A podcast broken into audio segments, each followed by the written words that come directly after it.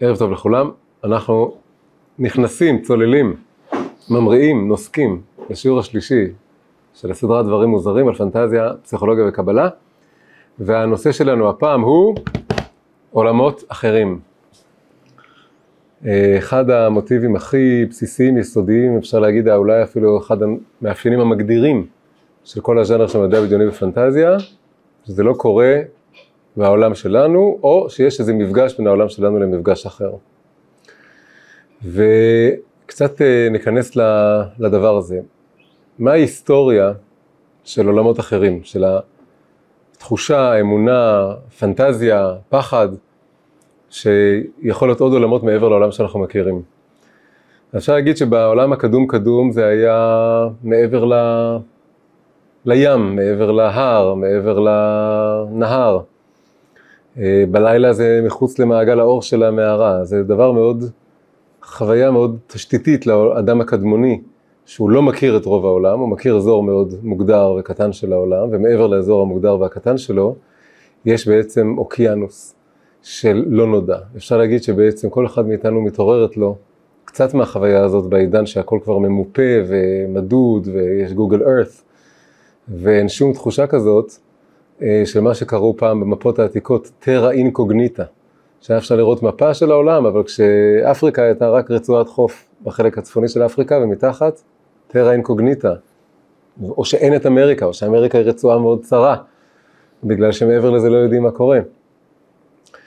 אז אנחנו קצת חווים את הדבר הזה כשאנחנו עומדים על חוף ים, כל חוף ים, אולי אם זה אוקיינוס אז קצת יותר מאשר ים התיכון, שעצם העמידה מול החוף מאוד נותנת הרגשה שאנחנו מכירים עד, גבול, עד, גבול, עד קו מסוים, אנחנו מבינים את המציאות.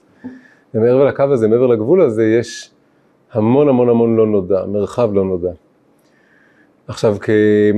אחרי זה, אז, אז מאז ומעולם היה את הדבר הזה, וגם כשהתחילו למפות את העולם, עוד הייתה תקופה ארוכה, עד המאה, בעצם במאה ה-19 התחילו להיעלם הטרה אינקוגניטה הזה, באמת התחילו למפות, מפות די טובות של כל העולם. אבל אז הפנטזיה התחילה ללכת יותר רחוק, מאה ה-19 זה גם ז'ול ורן. אה, הרעיון של להגיע לעולמות אחרים התחיל אפילו קודם, במאה ה-18 כבר היה ספרי מדע בדיוני של הפלגה לעולמות אחרים, זה בעצם הפועל יוצא מיידי של קופרניקוס. ברגע שקופרניקוס הוציא אותנו מהמרכז, אז הסתבר שאנחנו פלנטה שמקיפה את השמש יחד עם עוד פלנטות, כלומר שהכוכבים האחרים הם, אנחנו כמוהם, במובן שאנחנו פלנטה חגה סביב שמש ולא המרכז, וזה אומר שהם כמונו. כלומר שאולי מאדים וצדק הם גם כמו כדור הארץ, הם, אם אנחנו כמוהם באותה קטגוריה, גם הם כמונו באותה קטגוריה, ואז מיד, כמה זמן אחרי קופרניקוס בעצם התחיל להיוולד הרעיון שיש עוד חיים בכוכבים אחרים, ואולי אפשר להגיע לכוכבים אחרים. והדבר הזה צובר תאוצה, ויחד עם ה... באמת ככל שעלייה של המדע וה... שממפה ויודע כבר את כל המציאות, אז הולך ומתרחק יותר ויותר, ו...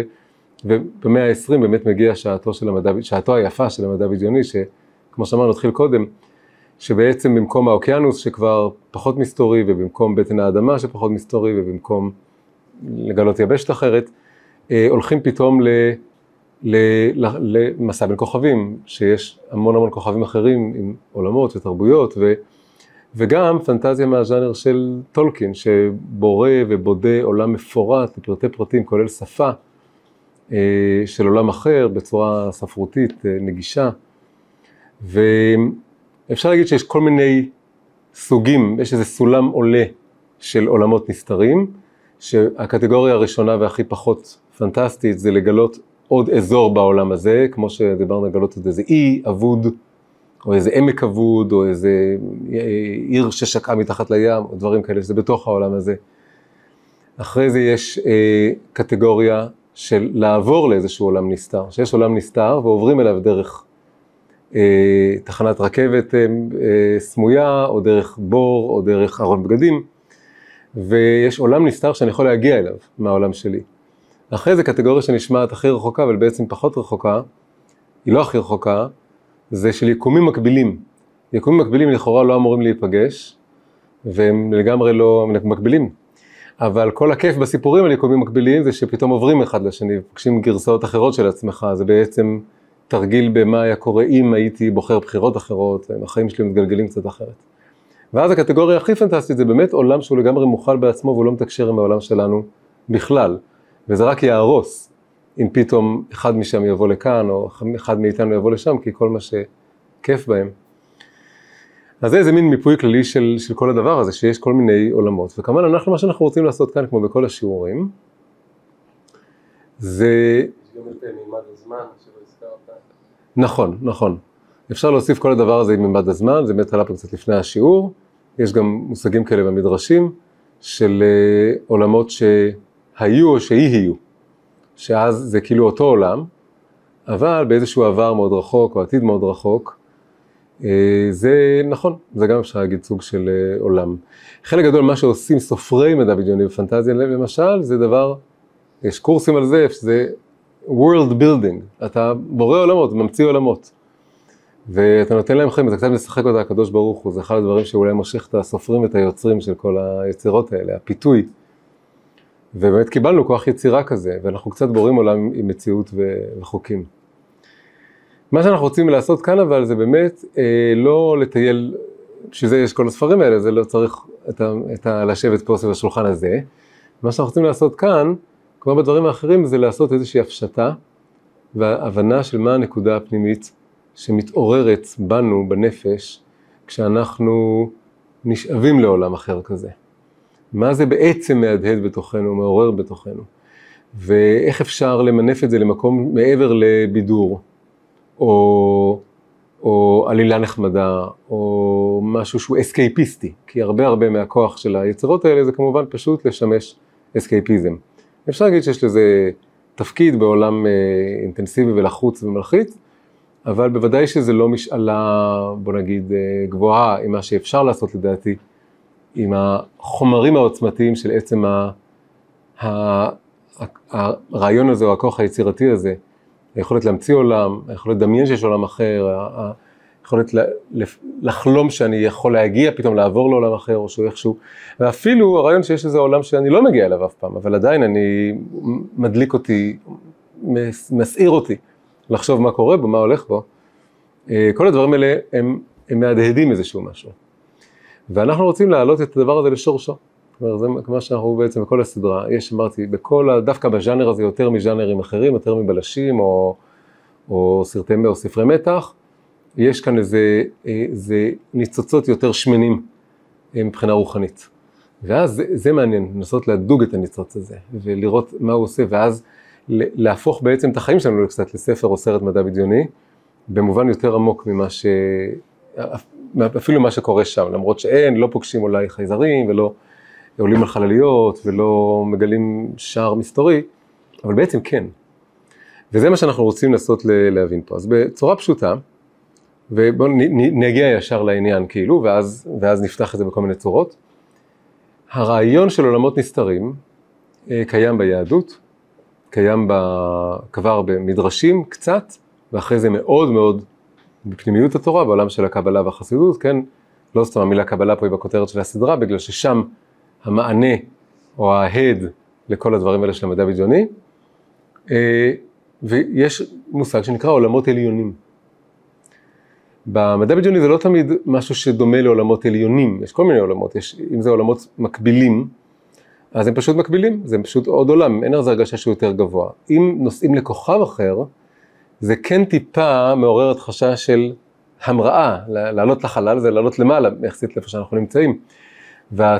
הציור הכל כך חזק הזה של חללית שממריאה לחלל אה, ומגיעה לכוכב אחר, למרות שמבחינה פילוסופית זה פשוט עוד כוכב, אה, אבל התנועה הזאת של ההמראה לתוך החלל היא תנועה בעצם של עלייה.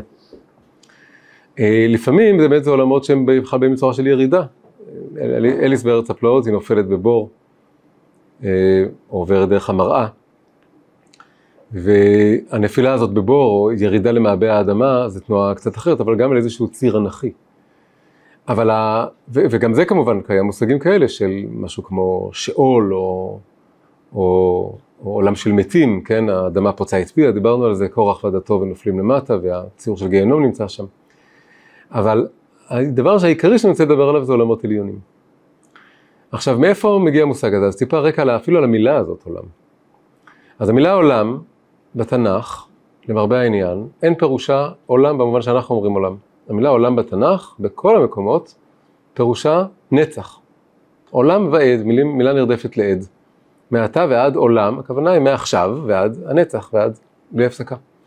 עולם בתנ"ך, יש רק מקרה אחד ויחיד כמה שידוע לי, פסוק שאומר עולם חסד ייבנה, גם שם רוב, רוב המפרשים אומרים שהכוונה היא לנצח החסד ייבנה, מה משהו כזה. אה, רש"י מביא שני פירושים על הפסוק השני שבהם, שתמיד זה, הוא מביא אותו רק כי משהו בפירוש הראשון הוא עוד לא שלם עבורו, והוא מרגיש שהוא צריך להביא עוד פירוש. בפירוש השני הוא מפרש את זה במובן של עולם, מה שאנחנו משתמשים היום world. אבל בתנ"ך זה לא ככה. ומתי זה נהיה עולם במובן שלנו? בתקופה, בתקופת חז"ל. במשנה, חז"ל כבר מדברים על עולם ועולם, בעצם מדברים על מה? מדברים על העולם הזה והעולם הבא. יש שני עולמות עיקריים בחז"ל. גם המושג עולם הבא לא מופיע בתנ"ך. יש, יש קצת דברים של עולם הבא, אה, שאול מעלה את שמואל באוב, אז יש משהו, מציאות של עולם מעבר.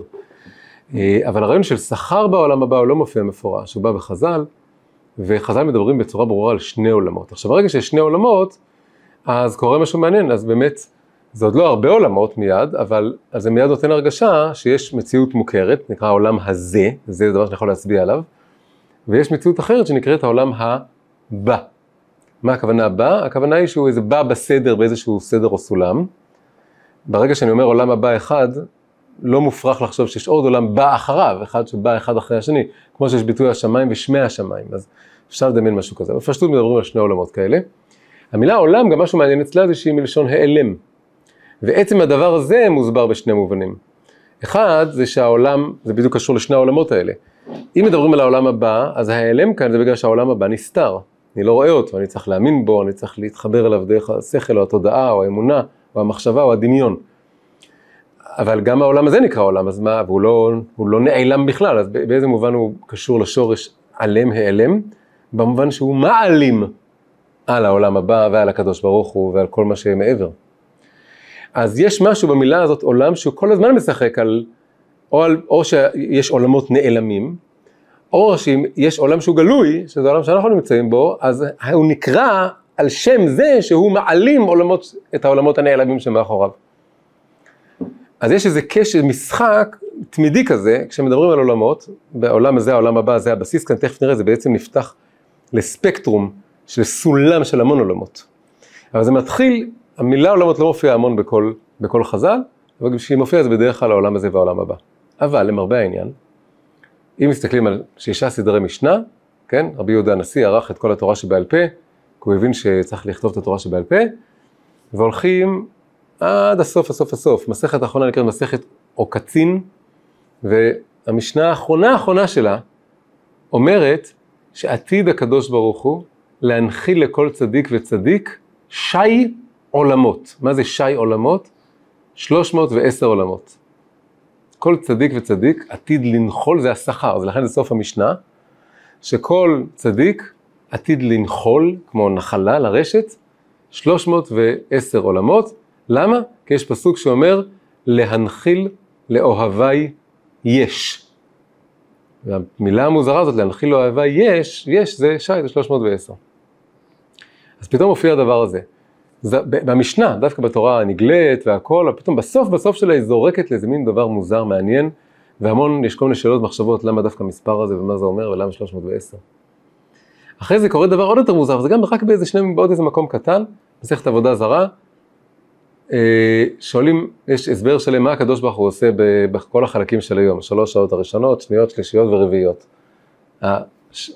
היום 12 שעות מתחלק לארבע, יש דיונים מעניינים מה הוא עושה כל היום, ואז שואלים מה הוא עושה בלילה, ואחת הדעות שמה שהוא עושה בלילה זה שהוא שט בין 18 אלף עולמות. ולומדים את זה בצורה מאוד מעניינת מפסוק שאומר רכב אלוקים ריבותיים אלפי שנאן. ואז חז"ל מסבירים את זה בצורה מעניינת. רכב זה שהוא רוכב, כתוב שהוא רוכב על כרוב, הביטוי השלם בגמרא זה מה הוא עושה בלילה, רוכב על כרוב, זה כבר נורא מעניין, כי כרוב זה אותיות רוכב. רוכב על כרוב קל שלו, יש לו איזה כרוב, שהוא כרוב זה גם כנראה מרכבה קצת, קצת מזכיר מעשה מרכבה. ושט ב-18 אלף עולמות. למה 18 אלף? בגלל דרשה נורא מעניינת על הפסוק הזה. רכב אלוקים, אז הוא רוכב, ריבותיים זה פעמיים רבבה, אז זה 20 אלף. אבל אז כתוב אלפי שנען.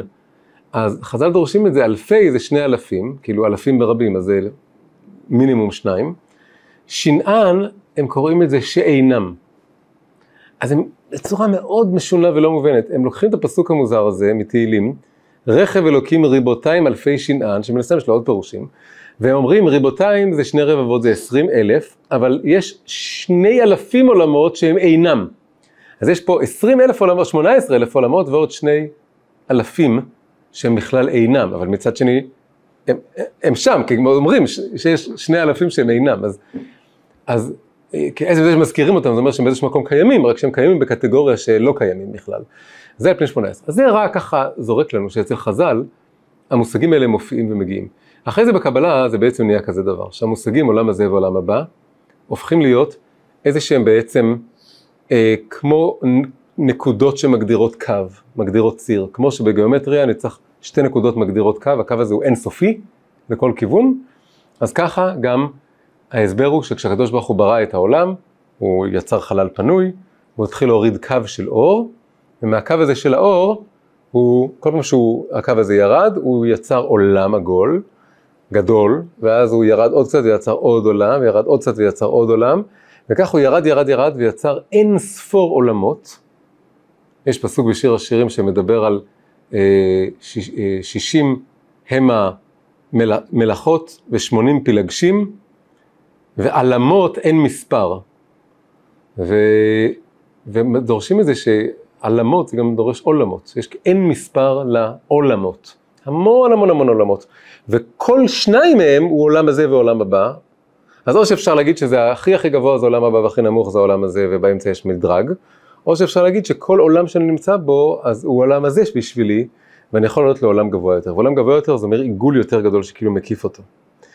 עכשיו הציור הזה שאפשר לצייר אותו, עיגולים עם קו שמוביל ביניהם, הוא בעצם מין ציור שאני חי במעגל תודעתי מסוים, ומתוך המעגל התודעתי הזה אני יכול, יש איזו נקודה מסוימת, לא בכל נקודה, יש נקודה מסוימת, הנקודה הכי גבוהה ב, בעיגול הזה, יש איזו נקודה שהיא דווקא מצביעה למעלה, כל הנקודות האחרות הן, זה עיגול, למרות שזה פרדוקס כאן, למרות שזה עיגול יש נקודה אחת שהיא עומדת על הקו הזה, ושם יש איזה מין חור כאילו, או פתח, כמו של מעלית, כמו של סולם, כמו איזה חור בתקרה.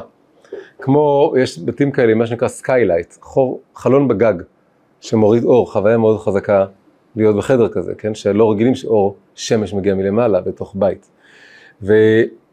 ויש, ואז אם אני עולה שם, אני מגיע לעיגול שהוא מכיר, הוא מכיל את כל העיגול שהייתי בו קודם, אבל הוא בעצם מעגל יותר גדול. ובאיזשהו מקום כל המבנה שאנחנו מכירים של אמ, שישה ימים שבת, שישה ימים שבת, שישה ימים שבת, איך נקראת שבת? שבת היא מאוד מאוד העולם הזה. נחים, אוכלים, אה, כל הדברים הארציים נהיים פתאום מאוד מותרים בשבת, ודווקא צריך להרבות בהם. אבל בכל זאת, עם כל הגשמיות הזאת של השבת, וההנאה והאוכל וכל זה, יש בשבת משהו שהוא נקרא מעין עולם הבא, בגלל ההרפייה שבשבת. אז שישה ימים שבת זה בעצם תנועה כל פעם לעלות מעולם אחד לעולם הבא. כלומר, אידיאלית, כל שבוע אני אהיה בעולם יותר גדול ממה שהייתי קודם. השישה ימים הם כנגד הקו, אני כאילו עולה טה-טה-טה שש מדרגות, ואז בשבת הבאה, אם אני זוכה לזה, אז באיזשהו מקום אני כאילו עליתי עולם, מבחינה רוחנית, תודעתית. אם אני ב... אם, אם עבדתי טוב בשישה ימים האלה, מי שטרח בערב שבת, אוכל בשבת, זה לא רק גשמי, זה גם רוחני לפי הציור הזה. וכמו שאני, אין אלף שבתות מסתרות לפניי, והחיים ארוכים, יש הרבה שבועות, אז אה, ככה אפשר לעלות אלפי עולמות, עקרונית. ואז הציור הזה, הציור בזמן, קצת מתחבר גם מה שאמרת שמקודם, שיש פה גם אלמנט של זמן, אז האלמנט של הזמן כאן הוא שאני בתודעה של יום חול, יום עבודה, אני לא חווה שום עולם, אני לא נח בשום עולם, אני בתנועה מעולם לעולם, אבל כשאני מגיע לתודעה שבתית, תודעה של הרפייה, אז אני נמצא בעולם. אני נמצא מצד אחד מאוד בעולם שלי, ואני יכול גם להרגיש את שאר העיגולים, את המעין עולם הבא, העולם, העולמות העליונים משתקפים בעולם הזה, כשאני בהרפייה. בין לבין יש עבודה לעשות, זאת עבודה לעלות מעולם לעולם.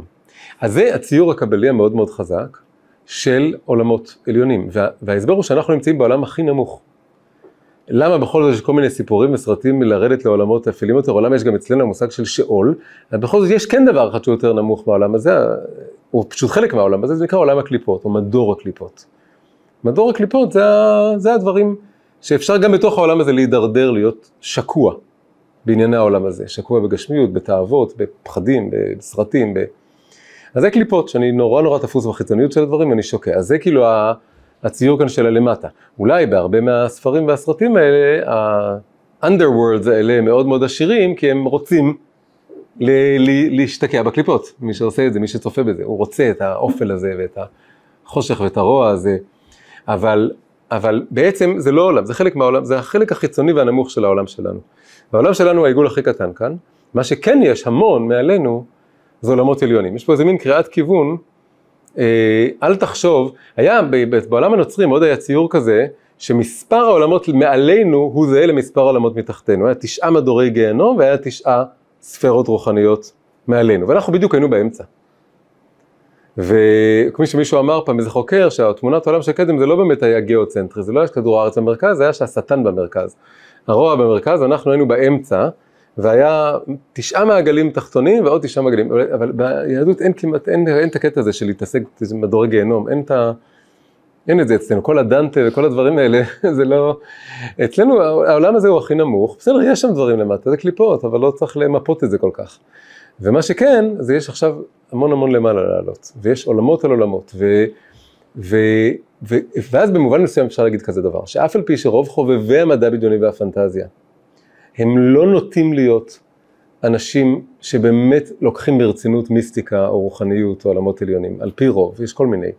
אבל הרבה פעמים הכנסים האלה והחוגי מעריצים האלה והמועדוני אה, חובבי מדע בדיוני וכל אלה, זה אנשים שהם נוטים להיות בהשקפת עולם הרגילה שלהם כשהם יוצאים מהכנסים האלה, הם מאוד אה, חילוניים, מאוד uh, uh, מדעיים, מאוד... Uh, אבל באיזשהו מקום, הניתוח כאילו הפסיכולוגי שאני מרשה לעצמי לעשות, זה שהפנטזיות האלה על העולמות העליונים, הנסתרים, המדע הבדיוני האלה, הם מבטאים איזו משאלה עמוקה, כן ל- לרצות להאמין שיש משהו מעבר לעולם החומרי והארצי והרגיל שהמדע מתאר אותו. ואיזה מין משאלה עמוקה לחשוב שזה כן אפשרי וכן ייתכן. שבבקשה תגיד לי שכן יש משהו מעבר לעולם הזה, וכיוון שאני רוצה את זה אז אני מבלה חלק ניכר מהזמן שלי בלדמיין ולחלום על כל מיני עולמות כאלה, ולפנטז שאני מגיע לשם, או שאני כאילו כבר חי שם, או דברים כאלה. אבל בעצם בעצם מה שמתנוצץ כאן בנפש, או מה שמתעורר בנפש, זה התחושה העמוקה והנכונה, לפי הקבלה והחסידות, שבאמת יש המון המון עולמות נסתרים. ולא רואים אותם, וכל עולם מעלים על עולמות שמעליהם, אבל יש איזה קו, יש איזה סולם, יש איזה צינור, יש איזה פתח, שדרכו אפשר לעלות אליהם. נגיד רגע משהו על הנושא הזה, הציור הזה של, של סולם או מעלית, או, זה לא סתם שזה תמיד מעבר צר כזה, כן, הבור של עליזה, או, ה, או איזה מין קרן חייזרית ששואבת מישהו למעלה, או איזה ארון בגדים קטן שפתאום דרכו יש איזה פסאז', כן, אה, או רכבת, או כל הדברים האלה, זה, זה משהו בעצם נורא פשוט. כשאני רוצה לעלות עולם או לעבור עולם, אני צריך לעשות איזשהו ויתור על מימד הרוחב. ברמה הכי הכי פשוטה, אני רוצה לחפור, אם אני כל החיים מתלבט איפה לחפור, אני לא, אני לא, לא, לא, לא ארד, אני צריך לבחור מקום, זאת אומרת שאני מוותר על כל שאר המקומות. ואני אומר, אני מתמקם פה.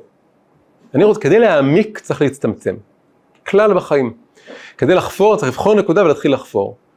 ועד כדי כך ש, שהיה אפשר לבוא ולהגיד, אמ, ל, ל, ליהודים שעבדו קצת את הקדוש ברוך הוא וקצת את הבעל, עד מתי אתם פוסחים על שתי הסעיפים?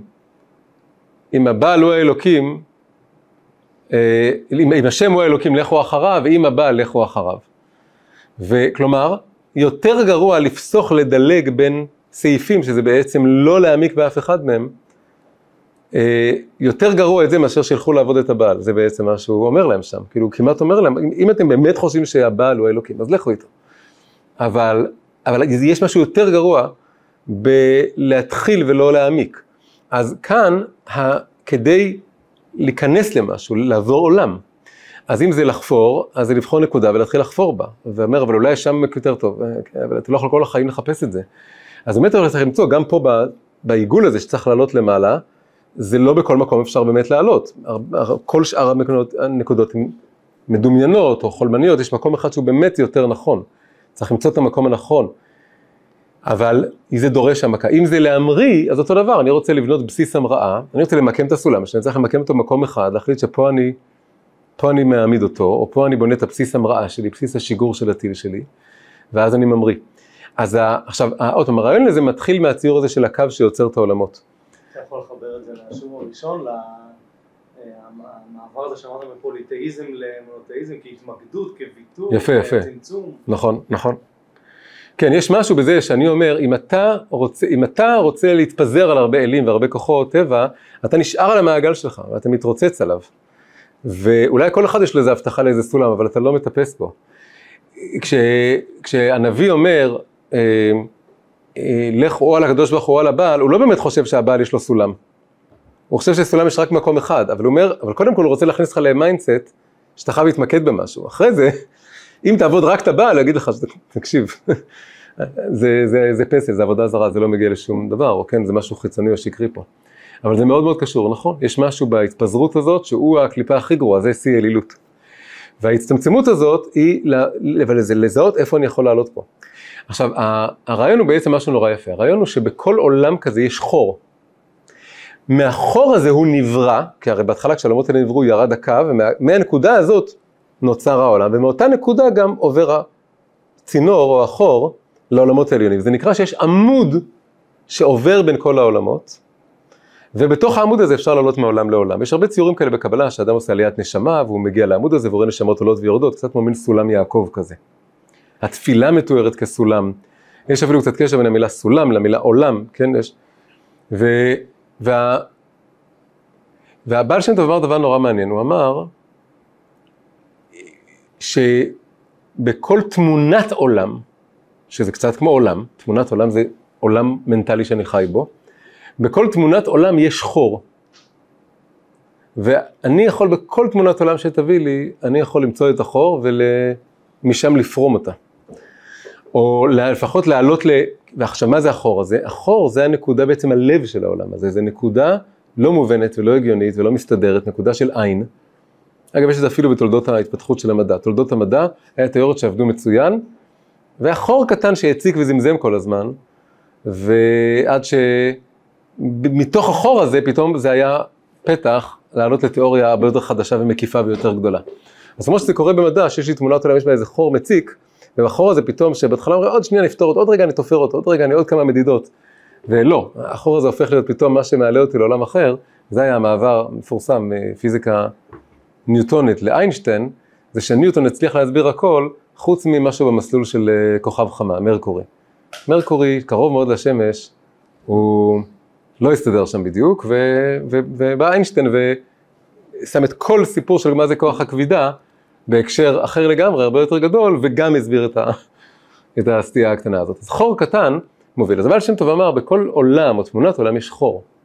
החור הזה הוא הפתח לדבר גבוה יותר, ואפשר להגיד שזה קשור למילה, לקשר בין המילה סתירה למילה נסתר. יש איזה מקום שסותר את עצמו, מקום שיש בו איזה סתירה, איזה פרדוקס, המקום שלא מסתדר, שם זה הפתח אל הנסתרות, אל הרובד הנסתר והגבוה יותר. כשחז"ל הולכים עם הגלאי מתכות, גלאי סתירות שלהם על הפסוקים, כשיש פסוקים, כשיש סתירה בתורה, מה שכאילו כל הספקנים יגידו שזה כאילו מפריך את האלוקיות של התורה, חז"ל יודעים את זה טוב מאוד, הם הכי נהנים מהסתירות האלה, כי כשיש סתירה, אז זה כאילו טו טו טו, קל לחפור. כשיש שני פסוקים שסותרים את עצמם, אומרים, או, אז סימן שיש פה איזה משהו. הסתירה היא פתח למשהו נסתר, לרובד גבוה יותר, לאיזה עולם גדול יותר. זה כאילו, אתה אומר, או, פה זה החור הזה שמוביל אל, אל הקו הזה. יש איזה סיפור אישי קטן שהוא מתחיל עם איזה דמיון של ילד, אבל יוצא ממנו משל נורא יפה. כשהייתי ילד קטן נורא אהבתי מנופים. מול הבית שלנו פה בתל אביב בנו את מלון קרלטון. ואני הייתי מוקסם מהמנוף, מאיך שהמנוף בונה את הבניין, וכל הזמן הייתי מסתכל על המנופים. עכשיו, מתישהו, אימא שלי הסבירה לי בטעות, שהמנוף, כנראה הסתכלנו על זה בניין רחוק, אמרה לי שהמנוף נמצא בתוך הבניין, והוא בונה את הבניין סביבו. זה לא נכון, לא חושב שאי פעם עשו כזה דבר. אבל ככה היא תיארה לי, כמו הרבה הורים שקצת ממציאים גם כשהם אה, עונים לתשובות לילדים. אבל יצא משהו יפה מהדבר הזה. אמרה לי, יש, בבית בונה את, את. המנוף בונה את הבניין סביבו. והוא, אמרתי, אז מה קורה בסוף שנגמר הבניין, הם מוציאים את המנוף, נשאר חור גדול, בדרך שעובר דרך כל הקומות. אז היא אמרת לי, כן. אז היא המשיכה כבר, כן, הסתבכה. אז היא אומרת, כן, שם שמים את המעלית. ככה היא החליטה לענות לי. אמרה, שם שמים את המעלית, זה בדיוק זה, זה מושג, הסתדר לה בראש, כן? יכול להיות שגם לא חשבה שהיא המציאה, אולי זה היה נראה לה הגיוני. בכל אופן, אמ, אבל יוצא מזה משהו מאוד חזק, כן? אז זה היה דבר לא נכון במציאות של בניינים, אבל דבר מאוד נכון בבניין של העולמות. שאותה נקודה שממנה נוסד העולם הזה, זה גם שם הפתח המעלית, שממנו אפשר כאילו לעלות או לעבור מעולם לעולם. אז כל הדימויים האלה של הליפול בבור של אה, אלס, או של, אה, או, או הרכבת, או הקרן שיגור, הדברים האלה הם כולם בעצם ציורים חיצוניים של משהו מאוד עמוק, שיש איזשהו, צריך לפתח איזה חוש לזהות איפה החור של העולם שאני נמצא בו, או אפילו אם זה תחנה, תחנה שלי בחיים, ודרך החור הזה הקטן, יש שם פתח למשהו גבוה יותר, ולדעת לזהות את זה, ולחפש את האדם הזה, את השוער הזה שנמצא ליד השער הזה, או את, ה- או את הפתח הזה, את המקום הזה, ששם אני יכול לעלות עולם. הציור הזה הוא ציור מאוד חזק ועמוק. בכל מקרה, אז הרעיון הקבלי הוא שיש בעצם אין ספור עולמות. ויש מעבר בין העולמות לעולמות, בין, בין עולם לעולם, ונעשה דרך קו כזה. ובאיזשהו מקום, כל העולמות האלה של המדע בדיוני והפנטזיה, אה, נוגעים בתחושה העמוקה שזה, כך הם פני הדברים. ככה, אני, ככה זה היה פשטות החוויה שלי במסע שאני עברתי, מלא להאמין בשום דבר אה, מיסטי או רוחני, אה, ל, להתחבר לזה בצורה מאוד חזקה ולהרגיש שזה מאוד מאוד אמיתי, זה היה, התחיל מזה שגדלתי על כל הספרים והסרטים האלה, ומאוד אה, דמיינתי וחלמתי שאני, יש לי, נכנס לסיפור שלא נגמר או דברים כאלה. אבל זה תמיד היה נראה לי, טוב, אבל זה רק סיפור, זה רק סיפור ילדים וזה לא באמת אמיתי. ובאיזשהו רגע בחיים, הבוגרים יותר, אז בכל מיני צורות פתאום הבנתי שהספרים האלה הם אמיתיים, הם רק לא אמיתיים בצורה הילדותית שהם מסופרים, הם אמיתיים במובן הרבה יותר עמוק של המילה. וזה פותח איזה פתח לתנועה כזאת. אני אוסיף רגע קשר קטן לפרשת שבוע, אני אעשה את זה בקצרה, כי יש עוד דברים להגיע אליהם, אבל זה תמיד יפה לקשר. וזה גם משהו שלמדתי אתמול, אז זה כיף לצרף דברים טריים. שהפרשת שבוע, פרשת מטות, עוסקת בנדרים והתרה של נדרים. יש לפעמים אדם נודר נדר, או שהוא אוסר על עצמו איזה משהו, ו... ואז הוא מתחרט עליו, או שהוא מסתבך איתו, וצריך שיבוא איזה חכם, או מישהו מעליו, מישהו גדול יותר, והוא צריך להתיר לו את הנדר, או להפר לו את הנדר, ובעצם לשחרר אותו מההגבלה שהוא יצר על עצמו. וההסבר הוא שקודם כל, שני הכוחות האלה קיימים גם בתוכנו. הצד שנודר הוא הצד שמאוד שקוע בעולם הזה. בגלל שהוא שקוע בעולם הזה, לפעמים צריך ל, ל, להציל את עצמו מלהתמכר לכל מיני דברים בעולם, אז הוא צריך להציב לעצמו מגבלות, אבל זה מתחיל מזה שהוא שקוע בעולם הזה, הוא מחובר לעולם הזה. ואז כדי לא לשקוע בו, אז הוא צריך מצופים או הגבלות, או כאילו להציל את עצמו מעצמו שהוא לא ישקע. אבל יש צד אחר, הצד שמפר את הנדר, הוא גם קיים בתוכנו. המאמר זה שיחה של הרבי מלובביץ', והוא מדבר על זה ששתי הדמויות האלה קיימות בתוך כל אחד. ויש צד שיכול, יש לפחות אפשרות עבורו לעשות נדרים, כלומר הוא, כמו שאמרנו, שקוע בעולם. ויש צד אחר שהוא בכלל לא שקוע, הוא צף מעל העולם, הוא מחובר למשהו גבוה יותר. והוא הצד שיכול להתיר את הנדר. כלומר, אני יכול, הצד הגבוה, זה יכול להגיד הצד הנמוך, עכשיו אתה צריך את הנדר, אבל עכשיו אתה לא צריך את הנדר, אתה בסדר, אני שומר עליך, ואתה אתה, אתה, אתה תצוף, אתה לא, אתה לא תטבע. וצריך את שני הצדדים האלה, וזה שיחה שלמה עם פתחת להרבה כיוונים. אבל אחד הדברים הכי יפים שיוצאים שם ממש מקטע קטן בשיחה הזאת, זה שהוא מסביר שהחלק ששקוע בעולם הזה, הוא מחבר את זה לספירות חוכמה ובינה. בינה יותר מעורבת בעולם, והיא החלק שנודר פה את הנדרים, וחוכמה זה החלק שהוא מעל העולם, והוא החלק שיכול להתיר את הנדרים. אבל אחד הדברים הכי יפים שנורא מתחבר לעניין של עולמות נסתרים, הוא זה. בינה זה שכל, בינה נתרגם את זה לאנגלית, זה יהיה אינטליג'נס. שכל רציונלי, הגיוני, שמתבונן, מבין דבר מתוך דבר, ודברים נכנסים לשכל, של של השכל. חוכמה, למרות שזו מילה של, גם כן של שכל, המילה המסוימת, ספירת החוכמה, זה בעצם קשור ללהבין דברים שמעל השכל. זה השגה של אמיתות או, או, או תובנות ש... ו...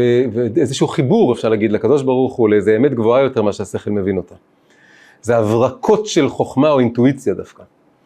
ובינה זה להתבונן. אז, ואז הוא אומר פתאום דבר נורא יפה, זה מאוד קטן שם, אבל זה יפהפה. הוא אומר שאחד המובנים שבהם ספירת הבינה קשורה לנדרים, חוץ ממה שאמרנו שהיא שקועה בעולם, והיא צריכה לשמור על עצמה, זה שיש לה איזה נדר מובנה, שהיא אומרת, אני לא יכולה להתעסק בדברים שהם מעל השכל שלי. הבינה מבינה שהיא מוגבלת, השכל מבין שהוא מוגבל, ואז הוא אומר, יש לו איזה מין נדר שהוא לוקח על עצמו, מה שנאמר, יש דברים שכתוב עליהם, אין לך רשות להרהר אחריהם. יש כל מיני דברים שעל זה נאמר, אין לך רשות להרהר. זה תמיד שאלה לקבלה, כי יש מקורות שאומרים שאסור לחקור במופלא, ואסור לחקור מה לפני בריאת העולם, וכל הקבלה זה בדיוק מה שהיא עושה. אז איך זה יכול להיות? אז, אז הבינה פה אומרת, אני, השכל שלי הוא מוגבל, ואם אני אתחיל, אז אני, יש לי איזה נדר, איזה גבול, איזה מגבלה, אני לא חוקר את הדברים האלה.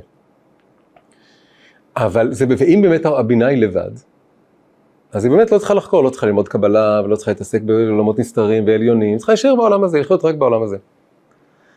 אבל החוכמה זה מקום אחר, שהוא כן מחובר, הוא כבר נמצא בעולם הבא קצת, החוכמה. החוכמה היא כבר באיזה מקום, היא מעל, מעל העננים, והיא משקיפה מלמעלה. והיא מתירה את הנדר לבינה. היא אומרת, אם את לבד, אז בסדר, אני מבין אותך, אבל אם, את, אם אנחנו נעבוד ביחד, הם קצת כמו בעל ואישה מתוארים.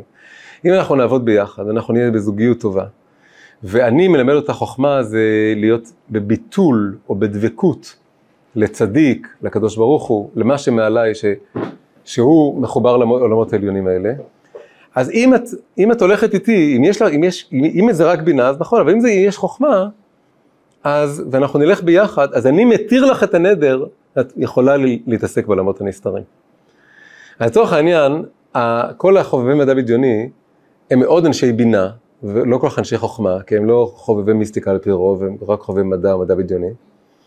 הם מאוד אוהבים את הבינה, ויש להם איזה נדר. הנדר הוא שלהם שאני לא אקח את המדע הבדיוני הזה באמת ברצינות. אני, אני אשחק איתו, אבל אני אצחק על כל המיסטיקנים, כאילו שבאמת מאמינים לזה. ואני אני רק, רק אשב, אלך לכנסים מדע בדיוני, אבל אם מישהו באמת רוחני או משהו כזה, אני אצחק עליו. וזה מין נדר, אבל אם זה מתחבר למשהו שהוא באמת, יש בו את מה שקראנו חוכמה ולא בינה, חיבור למשהו גבוה יותר. יש איזו פתיחות אליו, מוכנים להתחתן, שני החלקים האלה, אחד עם השני, אז החלק הזה יכול להתיר את הנדר לבינה, ולהגיד, זה בסדר, מותר לך להיפתח למה שמעל השכל, ואתה אפילו תוכל להבין אותו, אם אנחנו באמת נעבוד ביחד, זה ההתרה של הנדר, אתה אין לך מה לפחד מזה. אז זה משהו מאוד יפה קטן שככה מתחבר כאן. עכשיו אני רוצה שנתקדם בעצם עוד צעד, ונתחיל עכשיו להיכנס טיפה, זה נושא ענק, אבל אנחנו נגיד אותו בקצרה, ונוציא ממנו נקודה מאוד חשובה. דיברתי על אין סוף עולמות, עלמות אין מספר, שזה עולמות אין מספר. אבל בעצם בקבלה כן אומרים שכל האין ספור עולמות האלה מתחלקים בדרך כלל, כלומר באופן כללי, לארבעה עולמות. וצריך טיפה להכיר את המושגים האלה, כי אם אנחנו פותחים פה שיעור בפנטזיה, פסיכולוגיה וקבלה, ומדברים על עולמות אחרים, אז חייבים טיפה גם לתת את השמות שלהם, ולהגיד, ואז גם זה נורא מתחבר חזק למה בעצם קורה בפנטזיות האלה, ועד איפה הם מגיעים ואיפה הם נעצרים ומה קורה שם. אז נגיד את המושגים קודם כל, הארבעה עולמות האלה יש להם שמות, והם נקראים מלמעלה למטה, עולם האצילות, באלף, עולם הבריאה, עולם היצירה ועולם העשייה.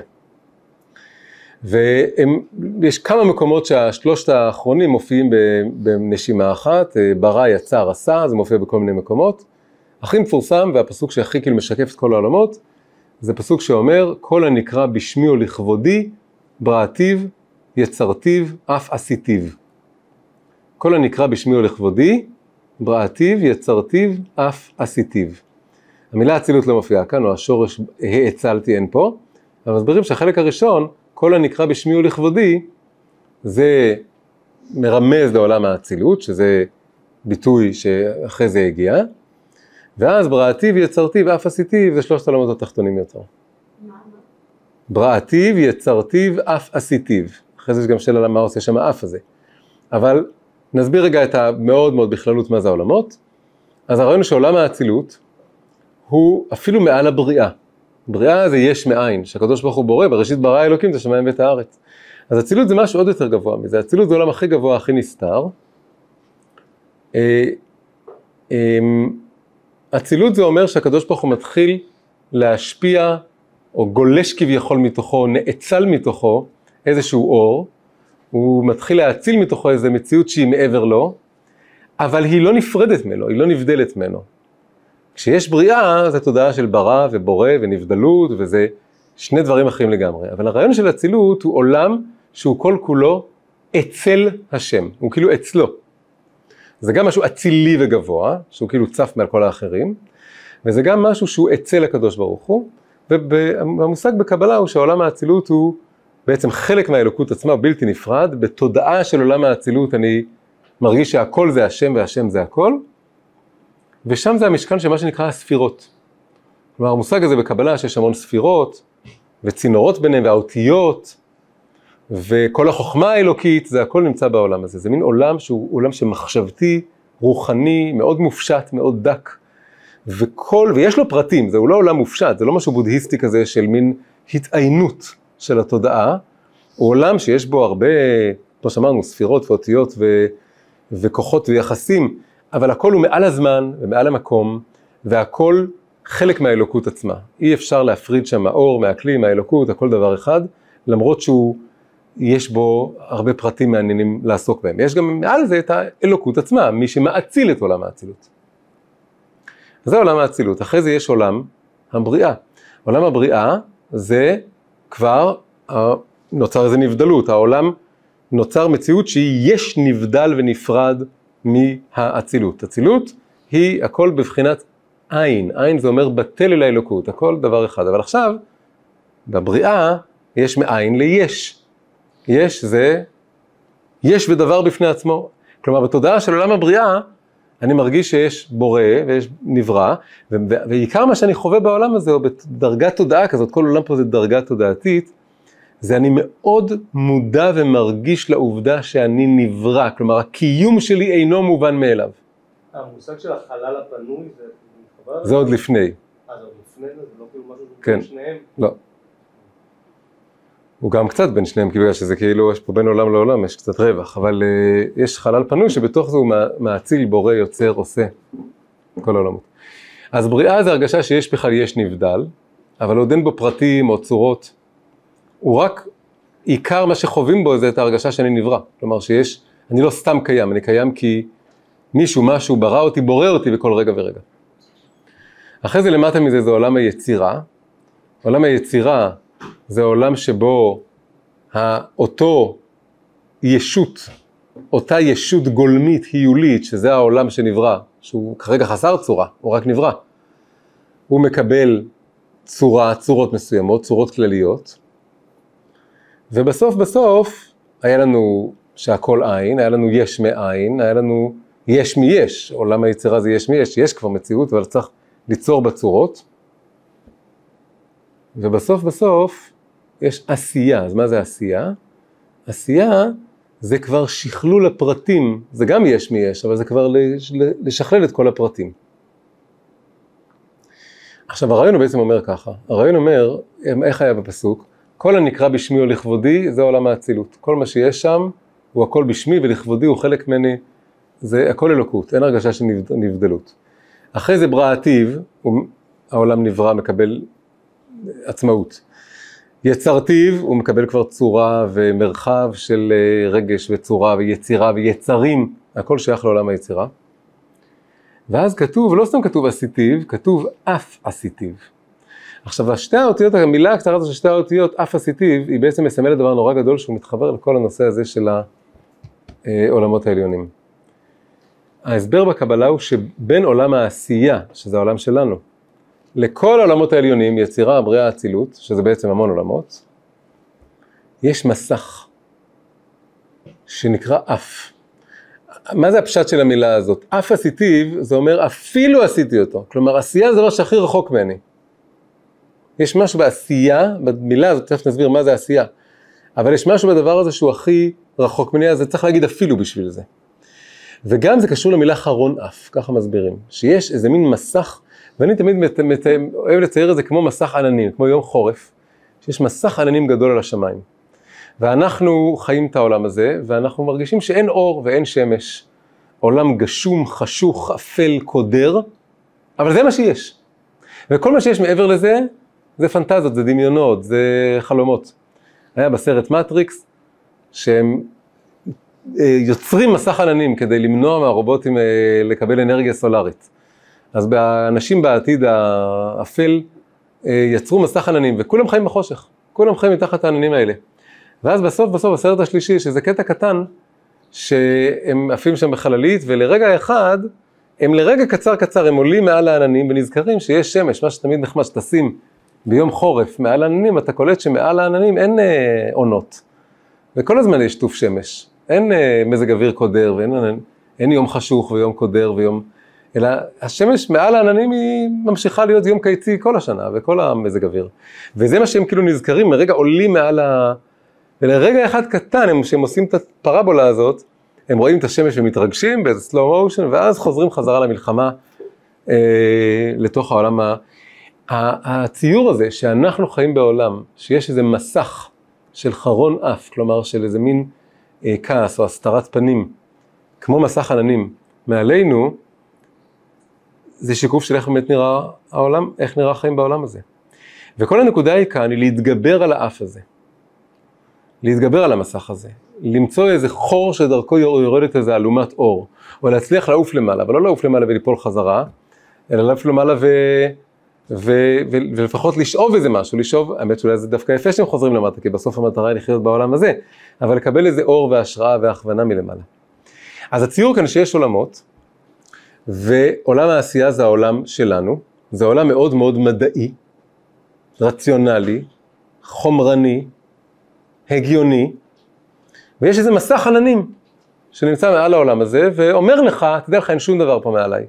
אין שמש, אין עולם יצירה, בריאה, אצילות, עולמות עליונים, זה הכל שקרים, זה הכל שטויות. למה אמרתי מדעי? בגלל שאם אני חושב על התנועות האלה, להאציל זה אלוקות שמתפשטת, זה משהו מיסטי. לברוא זה גם משהו מיסטי, בגלל שזה אומר שהקדוש ברוך הוא יש בורא והוא ברא עולם. יצירה זה גם קצת משהו מיסטי טיפה, למה? בגלל שיצירה זה לבוא ולהגיד שיש מהויות רוחניות נבדלות, יש מהות לאדם ומהות לחיה, יש מהות לזכר ומהות לנקבה, יש מהות לטוב ומהות לרע. יצר, יצירה, יצר טוב, יצירה. זה כמו עולם האידאות של אפלטון, עולם האידאות של אפלטון זה, זה יחסית מיסטי למדע, כי מי אמר שיש אידאה של חתול ואידאה של טוב? מי אמר? זה לא מה שאני רואה בחושים. אבל עולם העשייה הוא עולם שהוא נגלה לחושים לגמרי, ועולם שגם אין בו קפיצות, אין בו מהות מהות, אין בו קוף ואדם, אלא אם בא המדען ואומר אין כזה דבר קוף ואדם, יש אורגניזמים שמתפתחים לאט לאט לאט לאט, באבולוציה. כל דבר קורה בתהליך סיבתי הדרגתי. העשייה, המילה הזאת, לברוא זה יש מאין בבת אחת, זה משהו אלוקי. ליצור, לקחת משהו ובבת אחת לשנות לו את הצורה, זה גם כן מין קסם כזה. או עצם הרעיון שיש צורות, כאידאות נבדלות זה דבר רוחני. אבל אם אתה אומר עשייה, מה זה עשייה? שכלול הדרגתי. אז זה אני רואה בעולם הזה, אני רואה שאני לוקח שהעובר מתפתח בצורה הדרגתית, והכל מתפתח בצורה הדרגתית, אין ניסים, אין קפיצות, אין מהויות, אין אידאות רוחניות, אין אפילו משמעות שהיא מעבר לעולם הזה. זה תמונת העולם המדעית, ההארדקור. בתמונת המעלית ההארדקור זה שיש רק חומר, והחומר מונה על ידי חוקי טבע עיוורים, והחומר עם חוקי הטבע העיוורים לאט לאט נעשו מאליהם כל החיים, וכל המוחות, וכל המחשבות והחלומות והדמיונות, ובעצם אין משמעות לכלום, כי יש מוח שנוצר בשביל שאורגניזם היה צריך לשרוד, אז הוא פיתח מוח משוכלל. והוא הלך והתנפח לממדים אה, גדולים, כמו הזנב של הטווס, מכל מיני סיבות אבולוציוניות כאלה, ואז, ועכשיו משעמם לו, אז הוא ממציא כל מיני, או הוא מפחד, או כל מיני סיבות אחרות, הישרדותיות, והוא ממציא עולמות עליונים, אבל אין, אין, אין, זה הכל רק עשייה. תמונת העולם המדעית היא בעצם הייתה לעשות מין מאסר עולם בתוך עולם העשייה. לבוא ולהגיד, יש רק עשייה, יש רק דברים שנעשים בהדרגתיות זה מתוך זה. אין אפילו מי שעושה אותם. יש רק עשייה שנעשית מעצמה, וזה העולם, זה הטבע. וזה תמונת העולם המודרנית. הסיבה לה, להתפרצות של הפנטזיה והמדע בדיוני במאה ה-20, היא מתוך ההרגשה שעוד פעם, שלפעמים היא, היא מודעת אצל מי שיש לו איזו רגישות רוחנית או פתיחות רוחנית, הוא מודע לזה שזה ככה, מי שאין לו, אז הוא רק אומר אני משתעשע בדמיון. אה, אבל זה הכל כל מיני סוגים של לא לקבל את הגזר דין הזה של מאסר עולם בעולם העשייה. ובעצם לנסות לחלום ולדמיין שיש עולם מעבר. עכשיו פה זה, זה פה נעשה משמעותי גם למה בכלל הזכרתי את היצירה והבריאה והאצילות, למה נכנסתי לתיאור שלהם. כי בעצם מה שאני רוצה להגיד עכשיו זה כזה דבר. המדע בדיוני והפנטזיה, שהם מדמיינים עולם אחר, הוא קצת בעצם גונב את האורות שלו, מקבל את היניקה שלו מעולם היצירה, מהעולם שהכי קרוב לעולם העשייה. אני אמרתי שעולם היצירה זה כמו האידאות של אפלטון. אבל יש עוד, זה הצד היותר שכלי של עולם היצירה. אבל הצד היותר רגשי של עולם היצירה, עולם היצירה הוא בעיקר רגשי, הוא קשור ליצרים, כמו שאמרנו, ולרגשות ולמידות הלב ולכוחות של יצירה, אז הוא גם בא לידי ביטוי בכל המיתולוגיות, מה שדיברנו בשיעור הראשון. וגם בשיעור השני, שדיברתי על כל הגיבורי על והכוחות על, שרצו המון המון גיבורים, אבל בלי אחד שהוא מעל כולם, זה הכל מאוד קשור לעולם היצירה. בעולם היצירה יש המון, יש הרבה ספירות או הרבה כוחות, והם אה, מושכים לכיוונים שונים, וזה עולם בעצם, דיברתי על אידאות, אידאות ביוונית זה צורות, זו המילה המקורית ביוונית, זה צורה, איידוס. אבל אם אני עכשיו אדבר על מיתולוגיה ולא פילוסופיה, אה, אז זה בעצם צריך לדבר על יצורים.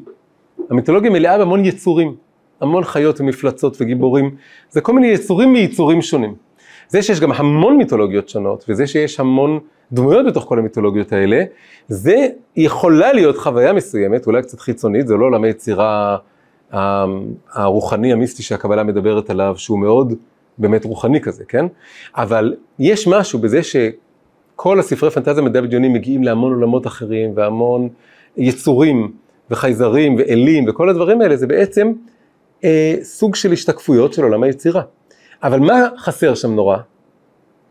כשמגיעים לנרניה, או, או מגיעים למידל ארת של טולקין, או מגיעים לפנטזיה של uh, סיפור שלא נגמר, uh, זה נגמר שם. כלומר, מישהו אמר לי שאולי בנרניה יש איזה רמז למשהו, אבל האם בעולם הפנטזיה חולמים על עולם עוד יותר פנטסטי? והתשובה היא שכמעט אף פעם לא. יש לפעמים צוחקים שבעולם הפנטזיה הם חולמים על אנשים רגילים שהולכים לעבודה במכונית. אבל זה לא אמין, כי זה, אתה מפנטז את הדבר שהוא יותר מעניין ממה שיש לך בחיים, ולא פחות מעניין ממה שיש לך בחיים. ו... והאם, למה הם לא חולמים על משהו מעבר? הרעיון שאני בעצם רוצה להגיד כאן זה שיש, לכן הפנטזיה הזאת זה מצד אחד משהו שהוא פותח את הדמיון ופותח את החושים ואת המחשבה לעולמות אחרים, ומצד שני גם תוקע אותך נורא. בגלל שהוא לוקח ציור נורא נורא מגושם של עולם היצירה, בעצם אפשר להגיד זה עולם היצירה כפי שמציירים אותו במושגים ומכחולים ומצלמות ומילים של עולם העשייה. אני מאוד הרגשתי את זה למשל בארי פוטר, הארי פוטר הוא, יש עולם רגיל ואז יש את העולם של הקוסמים והוא עולם מאוד עולם של יצירה, יש בו כוחות וקסמים וכישופים וקישואים ושיקויים וכל הדברים האלה, אבל uh, אבל זה נורא טכנולוגי, זה כמו שיש להם כאילו מלא אפליקציות, כאילו לומדים מלא מלא אפליקציות ומלא אה, שכלולים כאלה, עוד כישוף ועוד כישוף, וזה משהו מאוד טכני כזה. אז, אז באיזשהו מקום זה תוקע אותך, בזה שאתה מגיע לאיזה מין ציור חיצוני של עולם היצירה, שיש המון יצורים ומרחבים וכוחות ודברים, ויש שם מהויות, יש כוחות אופל וכוחות אור, זה מאוד עולם היצירה, אבל אז אתה נשאר בזה. הם לא ינסו לחשוב, רגע, מי ברא אותנו? או מי יצר אותנו? יש איזה בורא, יש איזה עולם בריאה שיצר אותנו. וזה שם זה נתקע, בטולקין זה גם נורא חזק, טולקין יש מאוד, זה מאוד לקחת את המרחבים הרגשיים, לתת להם ציור פתאום של עולם, יש עולם, עולם שלם שהוא כולו כפר של שמחת חיים, יש עולם שלם שהוא כולו מרחב של ייאוש ודיכאון. אבל יש שם אלים בטולקין, לא? אלים, כן. כן, אז יש המון כוחות כאלה, והם לא מסתכלים על מי ברא אלה, כן? שאו עיניכם למרום, וראו מי ברא אלה, מי, מי, מי ברא אלה זה, מי אלה זה אותיות אלוקים ביחד, כן? המי ברא אלה זה החיפוש, אה, שמתוך השאלה עצמה מי אלה הוא פתאום מגיע לאלוקים, מתוך עצם השאלה והחיפוש הזה הוא לא קיים שם.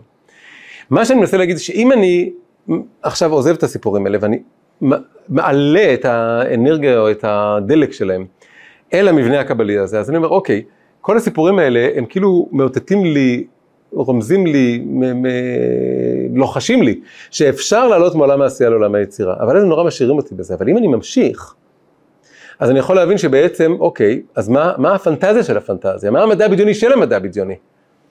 איזה מדע בדיוני יכתבו בתוך העולם של המדע הבדיוני? איזה ספר פנטזיה יכתבו טוב? זה יהיה על עולם הבריאה. מה זה עולם הבריאה? עולם הבריאה זה הפליאה על עצם הקיום שלי והשאלה, אז למה באתי לעולם הזה? למה, למה בכלל העולם נברא וקיים? מה אני בא לעשות כאן? איזה נקודה מרכזית זה, זה בא להאיר לתוך המציאות. זו שאלה אחרת לגמרי. בכל העולמות האלה הם כבר, הם מקבלים את קיומם כמובן מאליו, הם לא שואלים שאלות קיומיות. הם לא, הם, הם רק, יש איזו מלחמה כזאת לא ברורה בין אור לחושך. תמיד אני לא מבין גם למה החושך כזה חשוך ולמה בעצם האור כזה מואר, זה משהו שהוא לא לגמרי ברור. אמ, ואין את, ה, את הדחיפה, אבל אם אנחנו נעזוב אותם וננסה, אז ההתקדמות קדימה מעבר לוואו, יש עולמות אחרים, וואו, יש דברים נסתרים, וואו, יש דברים על-טבעיים, יש כוחות מעבר, יש, אה, יש ידע או אמת שיכולה לחלחל מעבר. המיסטיקה זה לא שטות, אה, אה, יש, אוקיי, אז, אני, אבל מצד שני, אם אני נשאר בזה, אני נורא נורא נתקע במשהו נורא חיצוני וירוד. ואני חושב שצריך להגיד, אוקיי, אבל כל הדבר הזה הוא מסתעף מאיזה שורש יותר גבוה. עולם הבריאה עולם פשוט. אין בו הרבה יצורות ויצירות, יש בו רק עצם העובדה שנבראתי היא זאת שממלאת לי את המחשבה שם. מה זה בכלל אומר שנבראתי? הייתי יכול לא להיברא. מול מי אני נותן דין וחשבון? זה עמידה מול הבורא, זה משהו מאוד פתאום, הכל נהיה נורא פשוט. אולי זה קצת כן רואים את זה לפעמים, שבתוך אותם עולמות דמיוניים בסוף מטפסים על איזה ראש הר, או מגיעים לאיזה קצה יער, ופתאום יש משהו נורא נורא פשוט, איזה, איזה מבחן קטן, איזה חרב, איזה משהו, אה, שהוא, פתאום עזבתי את כל העולם הפנטסטי, איזו נקודה מכריעה, שפה תמצית הקיום שלי מגיעה לשאלה מה אני עושה פה בכלל. זה הנקודה הכי גבוהה של היצירה, שכבר מגיעה לעולם הבריאה, והיא שואלת, אז למה בכלל הכל קורה? למה אני עושה את כל הפנטזיה הזאת? האם זה רק כדי לרומם את הרגש? האם זה רק כדי להגיד, או שבעצם אני עדיין עסוק ב... ל, ל, להתלהב מזה שוואלה, אין רק עולם העשייה. זה בעצם, אנחנו לא חיים בעולם כזה רק... אנשים יכולים כל החיים להיתקע בדבר הזה, הם גילו שיש משהו מעבר למדע, או מעבר לטבע, או מעבר לחומר, ועכשיו ההתרגשות מהדבר הזה, ועכשיו הם ירוצו מאסטרולוגים למיסטיקנים, לקוראי טהרות, לסדנאות כאלה וכאלה, והם עדיין כל הזמן מתחיים מעצם העובדה, אבל, אבל יש משהו על טבעי, בסדר, אבל אם אתה תתקדם הלאה, תקבל תהפוך את זה למובן מאליו החדש שלך. יש דברים על טבעיים, כן, כאילו get used to it. עכשיו, אבל לאן הכל הולך, מה הכל משרת? האם הכל טוב בעולם הזה? האם, איפה הסולם לעולם הבא? אני עוד פעם צריך להצטמצם. איפה הסולם משהו יותר גבוה, שמחבר אותי דרגה עוד יותר גבוהה, אז, אז מה התכלית של כל הדבר הזה? ומה בכלל אני עושה? למה אני רוצה להשתמש בכוחות על טבעיים? האם כל הכוחות העל טבעיים האלה הם טובים? אולי יש אנשים שיש להם יכולות תקשור או חיזוי או ניבוי, אבל הם לגמרי מושחתים. אם אני מתלהב מעצם העל טבעיות, אני יכול ליפול בפח של אנשים נוראים, יש אנשים כאלה. יש ביטוי כזה שיש להם כאילו קרע ברשתית, הם רואים דברים מהעולם האחר, אבל זה לא אומר שהם אנשים טובים. וראינו את זה, יש אנשים כאלה שיצרו כתות ויצרו, הם, יש להם איזה משהו, הם לא היו בונים את הכת הזאת בלי שהיה להם איזה מין כוח או אינטואיציה מאוד חזקה, אבל לפעמים ממש יכולת לראות דברים שאי אפשר לראות בצורה רגילה. ואז כולם נכבשו בקסם. אבל אם אתה אומר, אני לא מתפעל מדברים על טבעיים, עולם היצירה ברור שיש עולם היצירה, עכשיו מעניין אותי עולם הבריאה, מעניין אותי מי מחבר אותי לבורא. מי מחבר אותי לקדוש ברוך הוא שברא את כל העולם הזה, בגלל שזה זה בסך הכל עוד חוקיות, זה, עוד, זה, זה, זה עדיין חלק מהעולמות הנמוכים מעולם היצירה. זה האצילות ובריאה הם הגבוהים יותר, ויצירה ועשייה הם הנמוכים יותר. אז כמה שאני פחות מתפעל מעולם היצירה ועצם זה שיש משהו מעבר, ככה יותר מהר אני יכול להתקדם לעולם הבריאה. ואז מסתבר שגם עולם הבריאה שהוא יחסית פשוט ומשעמם, אני רוצה קשר עם הקדוש ברוך הוא, אני רוצה להיות מחובר אליו, אני רוצה להרגיש שיש ערך לקיום שלי, שהוא לא ברא אותי לחינם, ולא בורא אותי לחינם, ונותן לי נשימה בכל רגע ורגע, לא לחינם, כי אני עושה משהו, ש, ש, שמשרת את, ה, את, ה, את המקור והשורש הזה של הכל, זה בעצמו נהיה פרוזדור לעולם האצילות. ומה זה עולם האצילות? יש פה קצת שחמט כזה, יש פה קצת אה, א' ב' א' ב' כזה. העולם שלנו קצת משעמם. וגם עולם הבריאה הוא קצת פשוט כזה. מה היה באמצע מעניין? עולם היצירה, המון יצירה, המון מיסטיקה, המון יצורים, המון מיתולוגיה, המון מיסטיקה, המון דברים. ואז אני צריך קצת פתאום להתחבר לבורא אחד. כמו שאמרנו, זה קצת משעמם, אחרי שיש המון מיתולוגיות וגיבורים, להגיד שיש איזה, כמו שהיה שיעור שעבר, שיש איזה מין אה, בורא אחד מעל כולם. זה קצת עולם הבריאה כאן. אני עוזב את האלים והגיבורים והמיתולוגיות והאלים, אני מתחבר לבורא אחד, קצת משעמם. אבל דרכו אני מגיע למרחב חדש, שזה עולם האצילות. ולמה אני אומר מרחב חדש? עולם האצילות זה, זה ללמוד קבלה וחסידות. זה ללמוד על הספירות ועל כוחות הנפש ועל הצינורות, זה עולם, זה הגרסה הגבוהה והמופשטת של כל עולם היצירה. כלומר, העולם היצירה הוא קצת מין השתקפות נמוכה של עולם האצילות. בעולם האצילות הוא גם עולם רחב ומסעיר עם הרבה מאוד דברים שקורים בו, אבל הם כבר מופשטים, זה לא יצירות ויצורים ויצרים, זה אותיות ומילים וספירות ויחסים וכוחות ומרחבים נפשיים ומושגים ורעיונות, וכולם כולם קשורים בקדוש ברוך הוא, כי אני כבר הייתי בעולם הבריאה, אז הגעתי לעולם האצילות. עולם האצילות זה משכן, כל הקבלה בעצם עוסקת בעולם האצילות, על זה היא מדברת. אחרי זה אני רוצה לראות את הדברים, הם משתקפים בעולמות התחתונים. אפשר להגיד שכל העלייה הזאת, זה בסוף אני רוצה לחזור למטה, כמו בנרניה, כמו בכל הספרים. אני צריך לחזור בסוף לעולם הזה, אבל להביא את השכל הזה, את המוחין הזה, את ההבנה הזאת, את, ה, את השפה הזאת, את ההשראה הזאת, ש, שיש עולם מפורט ומשוכלל ועשיר של ידע ומושגים ומילים ורעיונות, אבל כולו כולו אלוקי, הוא כולו משרת את הקדוש ברוך הוא, הוא כולו מחבר אותנו לשם, שזה ה... הוא, הוא מעלה את הקו עד למעלה, לשורש שלו. ועכשיו אני יכול להביא את זה לעולם הזה, אבל יוצא שכל המרחב הזה של עולם היצירה, של מדע בדיוני, פנטזיה, מיתולוגיה, מיסטיקה, אה, הוא מעורר, אבל הוא גם נהיה מכשול, הוא נהיה גם כן משהו מסתיר, מה שמחביא, ולא מאפשר לעלות, לעלות ל- לעולם גבוה יותר. לומד על זה זה לא להיות שם, אני יכולה ללמוד על אירופה, אבל אני לא באירופה. כן, מכיוון שזה עולם רוחני, כשאת לומדת אותו, את כן שם. זה הרעיון. כשאת לומדת על עולם רוחני, את לומדת את המושגים, את לומדת מה זה ספירת החסד וספירת הגבורה, אז כיוון שזה לא עולם פיזי שצריך להגיע לאירופה, אז, אה, אז את, את שם. אבל שם טוב אמר, במקום שאדם נמצא במחשבתו, שם הוא נמצא. אז זה עולם מחשבתי, זה עולם רוחני, כשאני מתחבר אליו אז אני נמצא בו, וזה קורה דרך לימוד ודרך התבוננות. עכשיו- אה, אם, אתה אומר שבעצם, כאילו אני ציפיתי לפירמידה כזאת ובסוף זה בעצם פירמידה שפתאום נפתחת, נכון? באצילות כאילו, ואז כאילו יש פה איזשהו זה לא בדיוק פירמידה, יש פה... צורה כזאת שבסוף היא, כאילו כן. הציפייה הייתה שאולי שהבריאה ואז האצילות. כאילו בעצם, למה? כי כאילו הבריאה זה הדבר העליון שהוא מעל... זה ככה זה במזרח, שרוצים בסוף משהו מופשט כזה, כשאוהבים את המופשט, אבל אצלנו הקדוש ברוך הוא גם מופשט וגם אה, מפורט. ואז בעצם אתה יכול להשפיע עליו, כי האצילות זה... אה, כאילו זה גם עניין, זה גם עניין, כן, זה גם עניין של, טוב, זה עוד נושא שלם, כאילו ש... טוב, שאור חוזר עולה למעלה יותר גבוה מהאור הישר, וב- כשאנחנו עושים את התנועה הזאת, אז גם מחדש חידושים בעליונים. כן. כי זה מה שאני מקווה שקורה בשיעור הזה. כלומר, בזה שאנחנו לוקחים פתאום אה, דברים שלא, רוב שיעורי התורה לא נוגעים לעסוק בהם, ומשתעשעים איתם כדי להגיע למושגים בתורה ובקבלה, אז אני מקווה שזה עושה איזה שעשוע בעליונים, כן? אני מרגיש קצת שכן, אני לא יודע, אבל, אני, אבל כאילו, זה הרעיון כאן, שיש משהו, יש איזה ערך מוסף שקורה מה, מאיזה תנועה חדשה. תנועה שבאה מלמטה מאיזה מקום אחר, עם איזה, מעלה איזה משהו אחר איתה. זה וגם ממתיקה משהו, האדם אהב מדע בדיוני, ועכשיו מתי שהוא הבין שזה לא באמת אה, מקדם את החיים שלו בצורה רצינית, הוא מבין שזה לבוש של משהו גבוה יותר, אבל מה הוא עושה עכשיו עם הדבר הזה? אז אני מנסה עכשיו להשתמש בזה כדלק וכמקפצה, לא רק דלק, דלק זה רק אה, אנרגיה, לא רק דלק, אלא אה, לקחת את הדימויים ואת המושגים ולהשתמש בזה לזה. עכשיו, היה, אני רוצה רק לסיים, היה פה קטע שלם שמאוד רציתי לדבר עליו, אני הולך לדלג עליו כי כבר אין זמן, זה נהיה ארוך. אני כן אחתום הקנח במשהו נורא נורא מסוים, וזה איזה פואנטה מסיפור מדע בדיוני אחד מאוד מסוים, שיש משהו בעיניי מאוד מאוד יפה, שעוד פעם, הוא בעצמו לדעתי לא הבין עד כמה אה, עמוק מה שהוא כתב.